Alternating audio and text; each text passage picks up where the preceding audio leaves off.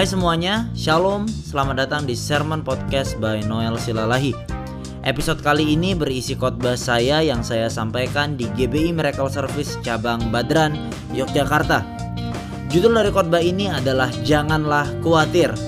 Khotbah ini disampaikan pada bulan Juni tahun 2020 di mana seluruh dunia sedang mempersiapkan diri untuk masuk ke dalam satu masa yang disebut new normal akibat pandemi corona atau COVID-19. Kita akan belajar bahwa firman Tuhan yang berkata janganlah khawatir akan selalu relevan dalam setiap masa dan kondisi apa pun. Selamat mendengarkan, Tuhan Yesus memberkati. Nama Tuhan Bapak Ibu Saudara, terakhir saya ingat saya menyampaikan firman tentang uh, bagaimana kita harus berserah kepada Tuhan dan kita percaya bahwa Tuhan berdaulat atas setiap keadaan kita. Dan sepertinya itu adalah beberapa minggu terakhir sebelum kita tidak diizinkan bersama dengan seluruh saudara-saudara kita di seluruh dunia. Tidak diizinkan untuk beribadah karena ada pandemi yang menyerang dunia kita. Dan sudah beberapa bulan yang berlalu dan sepertinya kita sudah terbiasa dengan keadaan ini dan kita sudah semakin bisa hidup bersamanya. Saya nggak tahu mungkin Bapak Ibu Saudara mengalami mengalami begitu banyak sekali kejadian, kekhawatiran, ketakutan, membaca banyak berita yang mengintimidasi. Tapi setelah tiga bulan kita berjalan dan kita ada hari ini, kebanyakan dari kita sedang bersiap untuk menghadapi satu masa yang baru pemerintah dan orang-orang banyak menyebutnya dengan new normal dan saya percaya Bapak Ibu Saudara seberapapun kita diyakinkan untuk siap seberapapun kita diyakinkan untuk tetap tenang tapi dari dalam hati seorang manusia dari dalam hati kita orang yang sedang menghadapi situasi seperti ini tidak terlepas dari yang namanya kekhawatiran Bapak Ibu Saudara dan hari ini saya akan share saya akan bagikan tentang kekhawatiran saya akan bacakan satu ayat di dalam Amsal 12 ayat yang ke-25 Bapak Ibu Saudara. Amsal 12 ayat yang ke-25 demikianlah firman Tuhan. Kekhawatiran dalam hati membungkukkan orang, tetapi perkataan yang baik menggembirakan dia. Salomo dalam Amsal ini berkata kalau ketika orang yang khawatir itu akan membuat seseorang menjadi bungkuk Bapak Ibu Saudara. Saya percaya kita hidup di dalam sebuah kultur di mana kekhawatiran itu mungkin jadi bagian dalam kehidupan sehari-hari kita. Dalam setiap kehidupan kita, dalam setiap momen dalam kehidupan kita ada begitu banyak alasan untuk kita bisa menjadi khawatir. Dan kalau misalnya kita mau list satu-satu, kita mau daftarkan satu-satu, sepertinya kekhawatiran itu tidak akan ada habisnya.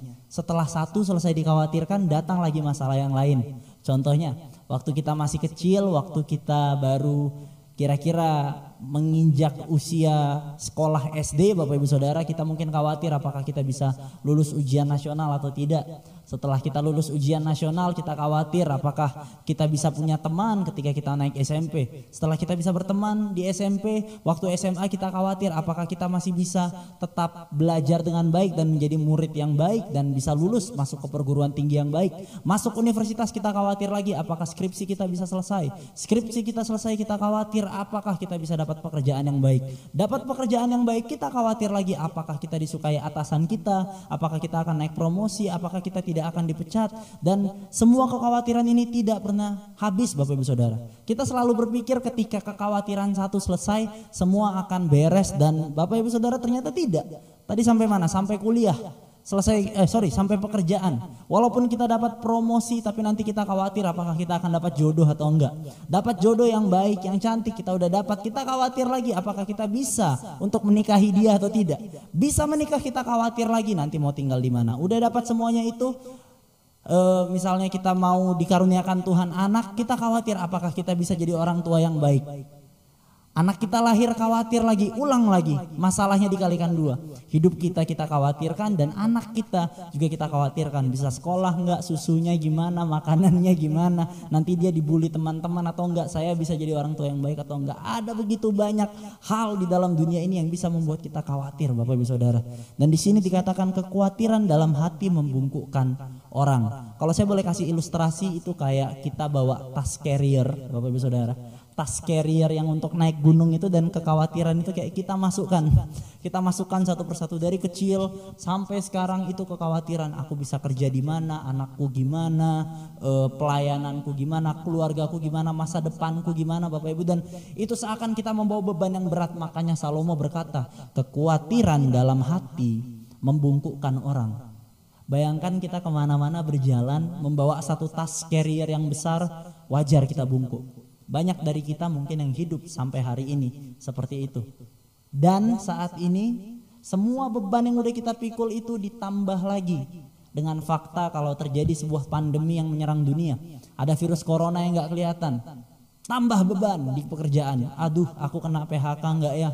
Aduh, apakah saya masih bisa lancar usahanya? Pendidikan saya gimana? Saya masih bisa lulus atau enggak? Teman-teman saya banyak yang terkendala di KKN-nya, mereka tidak bisa jalan, mereka tidak bisa terjun langsung, padahal sudah cari dana, sudah cari sponsor dan itu menambah beban di dalam kehidupan kita. Makanya kultur hari ini, situasi yang terjadi hari ini memaksa orang untuk berjalan menunduk, memaksa orang untuk hidup di dalam kecemasan, hidup di dalam tekanan, sehingga susah untuk bisa berdiri tegak dan berkata, aku sedang menikmati hidupku. Tapi Bapak Ibu Saudara di Amsal di dalam ayat yang sama dikatakan demikian.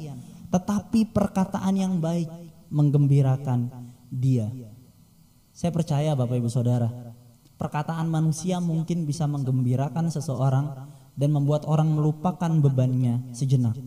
Tapi hari ini saya mau ajak kita untuk dengar satu perkataan bukan dari sekedar manusia, tapi perkataan dari Tuhan Yesus sendiri tentang kekhawatiran kita. Marilah kita buka di dalam Matius 6 ayat yang ke-25 sampai yang ke-34. Marilah kita buka firman Tuhan di dalam Matius pasal 6 ayat yang ke-25 sampai yang ke-34. Saya akan ajak Bapak Ibu Saudara dari mana pun berada untuk membaca ayat ini secara bergantian saya akan membaca ayat yang ganjil dan Bapak Ibu Saudara akan membaca ayat yang genap. Demikianlah firman Tuhan. Karena itu aku berkata kepadamu janganlah khawatir akan hidupmu, akan apa yang hendak kamu makan atau minum, dan janganlah khawatir pula akan tubuhmu, akan apa yang hendak kamu pakai. Bukankah hidup itu lebih penting daripada makanan dan tubuh itu lebih penting daripada pakaian? Pandanglah burung-burung di langit yang tidak menabur dan tidak menuai dan tidak mengumpulkan bekal dalam lumbung namun diberi makan oleh Bapamu yang di surga. Bukankah kamu jauh melebihi burung-burung itu? Siapakah di antara kamu yang karena kekhawatirannya dapat menambahkan sehasta saja pada jalan hidupnya? Dan mengapa kamu khawatir akan pakaian? Perhatikanlah bunga bakung di ladang yang tumbuh tanpa bekerja dan tanpa memintal. Namun aku berkata kepadamu, Salomo dalam segala kemegahannya pun tidak berpakaian seindah salah satu dari bunga itu. Jadi jika demikian Allah mendandani rumput di ladang yang hari ini ada dan besok dibuang ke dalam api, tidakkah ia akan terlebih lagi mendandani kamu, hai orang yang kurang percaya? Sebab itu janganlah kamu khawatir dan berkata apakah yang akan kami makan, apakah yang akan kami minum, apakah yang akan kami pakai. Semua itu dicari bangsa-bangsa yang tidak mengenal Allah akan tetapi Bapamu yang di sorga tahu bahwa kamu memerlukan semuanya itu. Tetapi carilah dahulu kerajaan Allah dan kebenarannya, maka semuanya itu akan ditambahkan kepadamu. Ayat 34 kita baca bersama-sama. 1, 2, 3. Sebab itu janganlah kamu khawatir akan hari besok, karena hari besok mempunyai kesusahannya sendiri. Kesusahan sehari cukuplah untuk sehari. Bapak ibu saudara ini perkataan Yesus yang saya percaya sering kita dengar dan sering kita renungkan bahkan dalam kehidupan kekristenan kita. Dan di dalam satu perikop ini tentang hal kekhawatiran tiga kali Tuhan Yesus berkata kepada murid-muridnya. Kalau dia berkata karena itu aku berkata kepadamu janganlah khawatir di ayat yang ke-25.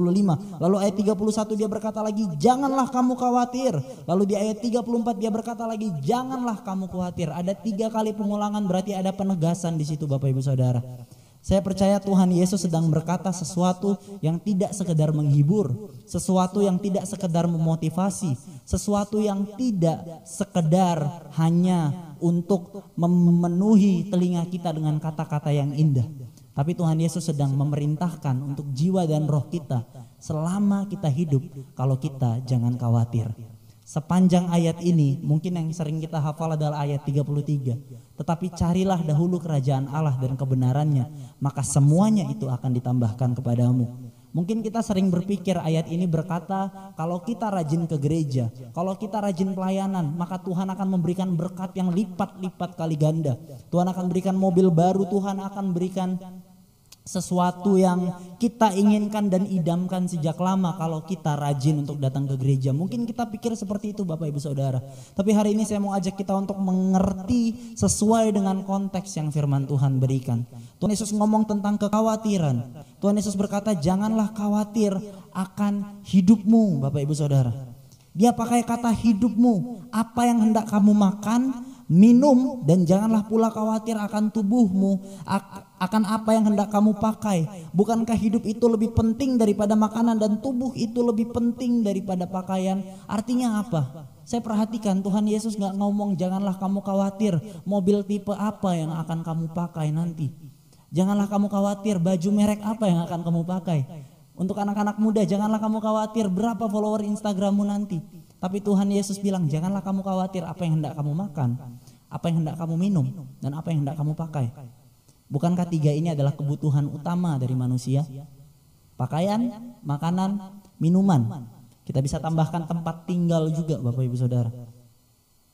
Tuhan sedang berkata, kalau kita memikirkan ulang tentang hidup, Tuhan sedang berkata kalau kita tidak perlu khawatir tentang hal-hal yang paling kita butuhkan di dalam kehidupan ini. Hal-hal yang paling kita butuhkan untuk kita bisa bertahan Tuhan ngomong, janganlah kamu khawatir. Kenapa? Karena di ayat berikutnya dikatakan pandanglah burung-burung di langit yang tidak menabur dan tidak menuai dan tidak mengumpulkan bekal dalam lumbung namun diberi makan oleh Bapamu yang ada di sorga. Saudara saya belum pernah lihat saya jalan-jalan ada burung yang burung itu baca koran dan ngelihat aduh gimana nih kalau kayak gini? Besok resesi ekonomi apa yang akan terjadi? Atau mungkin burung scrolling scrolling di media sosial dia lihat ada iklan baru dia lihat teman-temannya kayak gitu punya sangkar burung yang merek baru didesain oleh arsitek terkenal kayak gitu kan dari pohon yang klasternya mewah dan dia berkata aduh gimana kalau aku nggak punya sangkar burung yang sama seperti itu? Tidak mereka terbang di sana dan mungkin saja saya anggap mereka tahu karena hidup mereka dipelihara sama Bapak yang ada di sorga. Apalagi kita Bapak Ibu Saudara, apalagi kita di tengah situasi yang seperti ini, di tengah situasi di luar sana di mana dunia mengancam, di mana keadaan mengancam kehidupan kita. Ayat ini berbicara dengan keras kepada kita. Janganlah kamu khawatir apa yang hendak kamu makan, apa yang hendak kamu minum, apa yang hendak kamu pakai Bapamu yang di sorga tahu semuanya itu. Burung-burung saja, mereka tidak bekerja, mereka tidak pelayanan, mereka tidak bayar perpuluhan, mereka tidak pergi ke gereja. Bapak di sorga pelihara. Bukan berarti kita tidak harus melakukan itu Bapak Ibu Saudara. Tapi Tuhan Yesus berkata, marilah kita pikirkan kembali tentang hidup ini. Dia memberikan satu kepastian kalau dia akan pelihara hidup kita. Siapakah di antara kamu yang karena kekhawatirannya dapat menambahkan sehasta saja pada jalan hidupnya? Tuhan ngomong, kalau kamu khawatir, kalau kamu jadi bungkuk seperti itu bawa beban ke mana pun, apakah kekhawatiran itu menambah jalan hidup kita? Apakah kekhawatiran itu langsung memberikan solusi? Bapak Ibu saya percaya di dalam Alkitab Paulus juga berkata kalau dia khawatir terhadap satu kelompok jemaat kalau mereka sedang melenceng dari kebenaran Injil yang sejati. Saya percaya definisi khawatirnya bukan seperti itu. Bukan berarti kita harus tidak senonoh sama kehidupan kita, bukan berarti kita harus bebas dan seenaknya saja sama apa yang kita lakukan di dalam kehidupan kita. Tapi menurut saya jangan khawatir yang dikatakan Tuhan Yesus di dalam perikop ini adalah ketika kita tidak mempercayai Tuhan, ketika kita meragukan pemeliharaan Tuhan di dalam hidup kita. Ketika kita ingin mencoba untuk menjaga sesuatu yang ada di dunia ini dan kita meragukan pemeliharaan Tuhan. Itu yang sedang Tuhan Yesus perkatakan di dalam perikop ini. Makanya Bapak Ibu Saudara marilah kita kembali ingat kalau apa pun yang ada di dalam hidup ini Tuhan berkata jangan khawatir tentang hidup ini karena apa pun yang ada yang bisa kita lihat yang ada di dunia ini tidak akan bisa memberikan kepastian kepada kita. Jabatan kita tidak bisa. Kekayaan kita tidak bisa. Bahkan kesehatan kita pun tidak bisa memberikan kepastian kepada kehidupan kita. Tapi Tuhan bilang, Bapamu yang ada di surga memelihara kamu. Lihat burung di udara. Mereka nggak bekerja. Lihat semak-semak, lihat padang rumput, bunga bakung yang ada di ladang. Mereka tumbuh tanpa bekerja, tanpa memintal.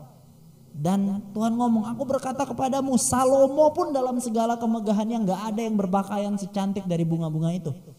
Sebelum pandemi saya jalan-jalan ke Jawa Tengah, saya ngelihat ada satu kebun nggak terlalu besar, tapi di situ ada orang antri, bapak ibu saudara. Buat apa? Buat foto di Instagram. Sekali foto sama bunga-bunga itu bayarnya udah berapa berapa ribu. Orang antri buat foto sama bunga dan Tuhan ngomong, Salomo orang paling kaya, paling bijak, istananya paling megah, pakaiannya aja nggak secantik bunga-bunga yang ada. Tuhan pelihara. Artinya apa? Pemeliharaan Tuhan itu nggak sebanding dengan apa yang dunia bisa tawarkan. Artinya, kalaupun sesuatu yang kita miliki di dunia ini, kalaupun harta kita, kalaupun sesuatu yang kita anggap berharga diambil daripada kita, tapi kalau pemeliharaan Tuhan masih ada di dalam kehidupan kita, saya percaya kita akan tetap hidup. Saya percaya kita tetap akan bisa puas, Bapak Ibu Saudara. Saya percaya kita nggak khawatir karena kita punya yang terbaik. Kita punya sumbernya, yaitu Tuhan yang memelihara kita, Bapa di sorga. Maka Tuhan Yesus dengan tegas berkata, Hai kamu orang yang kurang percaya, apalagi, apalagi kamu loh orang yang kurang percaya. Sebab itu janganlah kamu khawatir dan berkata, apakah yang akan kami makan, apakah yang akan kami minum, apakah yang akan kami pakai. Semua itu dicari bangsa-bangsa yang tidak mengenal Allah akan tetapi Bapamu yang di sorga tahu bahwa kamu memerlukan semuanya itu. Memerlukan Bapak Ibu Saudara. Saya percaya hari-hari ini mungkin tanpa pandemi pun kekhawatiran masih ada di dalam kita. Tapi coba cek hati kita. Apakah kita lebih takut kehilangan sesuatu yang ada di dunia ini sehingga kita mempertanyakan pemeliharaan Tuhan? atau kita mau belajar berserah kepada Tuhan. Beberapa waktu yang lalu saya share perkataan yang indah dari Yusuf. Kalau dunia boleh mereka rekakan yang jahat, saudara-saudaranya mereka rekakan yang jahat, tapi Tuhan mereka rekakannya untuk menjadi kebaikan. Saya percaya Bapak Ibu Saudara, kita juga belajar dari Ayub, kita belajar dari banyak tokoh di Alkitab.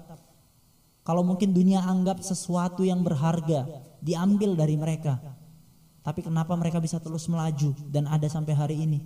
Karena mereka tahu Tuhan tidak meninggalkan mereka. Maka dari itu di ayat 33 dikatakan tetapi carilah dahulu kerajaan Allah dan kebenarannya. Maka semuanya itu akan ditambahkan kepadamu.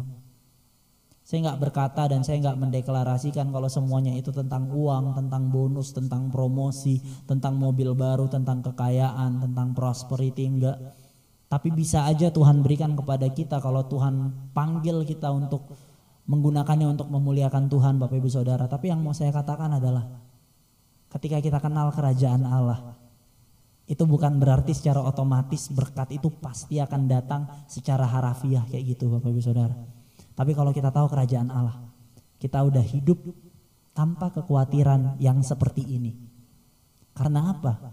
Karena Tuhan pegang kendali atas hidup kita. Karena Tuhan memelihara hidup kita. Karena Tuhan tidak meninggalkan kita sendiri.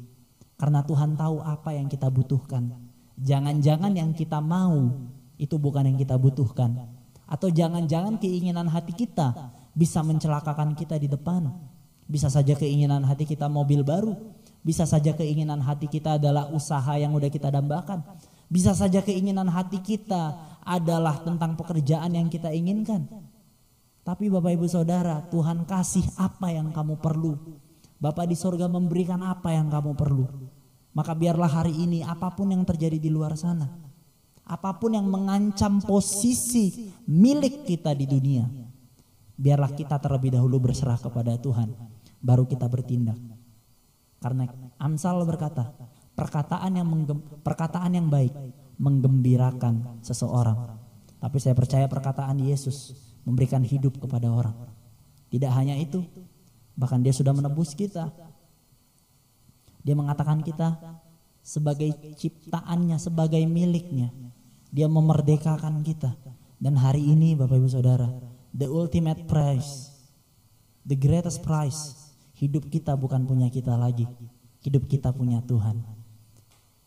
Tuhan yang memelihara kita, maka biarlah kita tidak menjadi khawatir dan kita tidak lebih mencintai dunia lebih dari kita mencintai Tuhan. Marilah kita tundukkan kepala, kita berdoa, kita renungkan. Wow, suatu kebenaran firman Tuhan yang saya percaya sangat memberkati kita khususnya di masa-masa sukar seperti sekarang ini. Tapi saya percaya apa pun keadaan kita, kita tidak perlu khawatir karena kita punya pengharapan yang memuaskan jiwa kita dan keinginan terdalam kita, yaitu kasih karunia dari Tuhan Yesus Kristus. Biarlah hidup kita semakin dekat kepada Tuhan dan semakin melakukan kehendak Tuhan. Terima kasih sudah mendengarkan.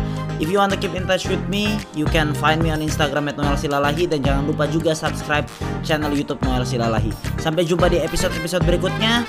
Terima kasih Tuhan Yesus memberkati. God bless you all.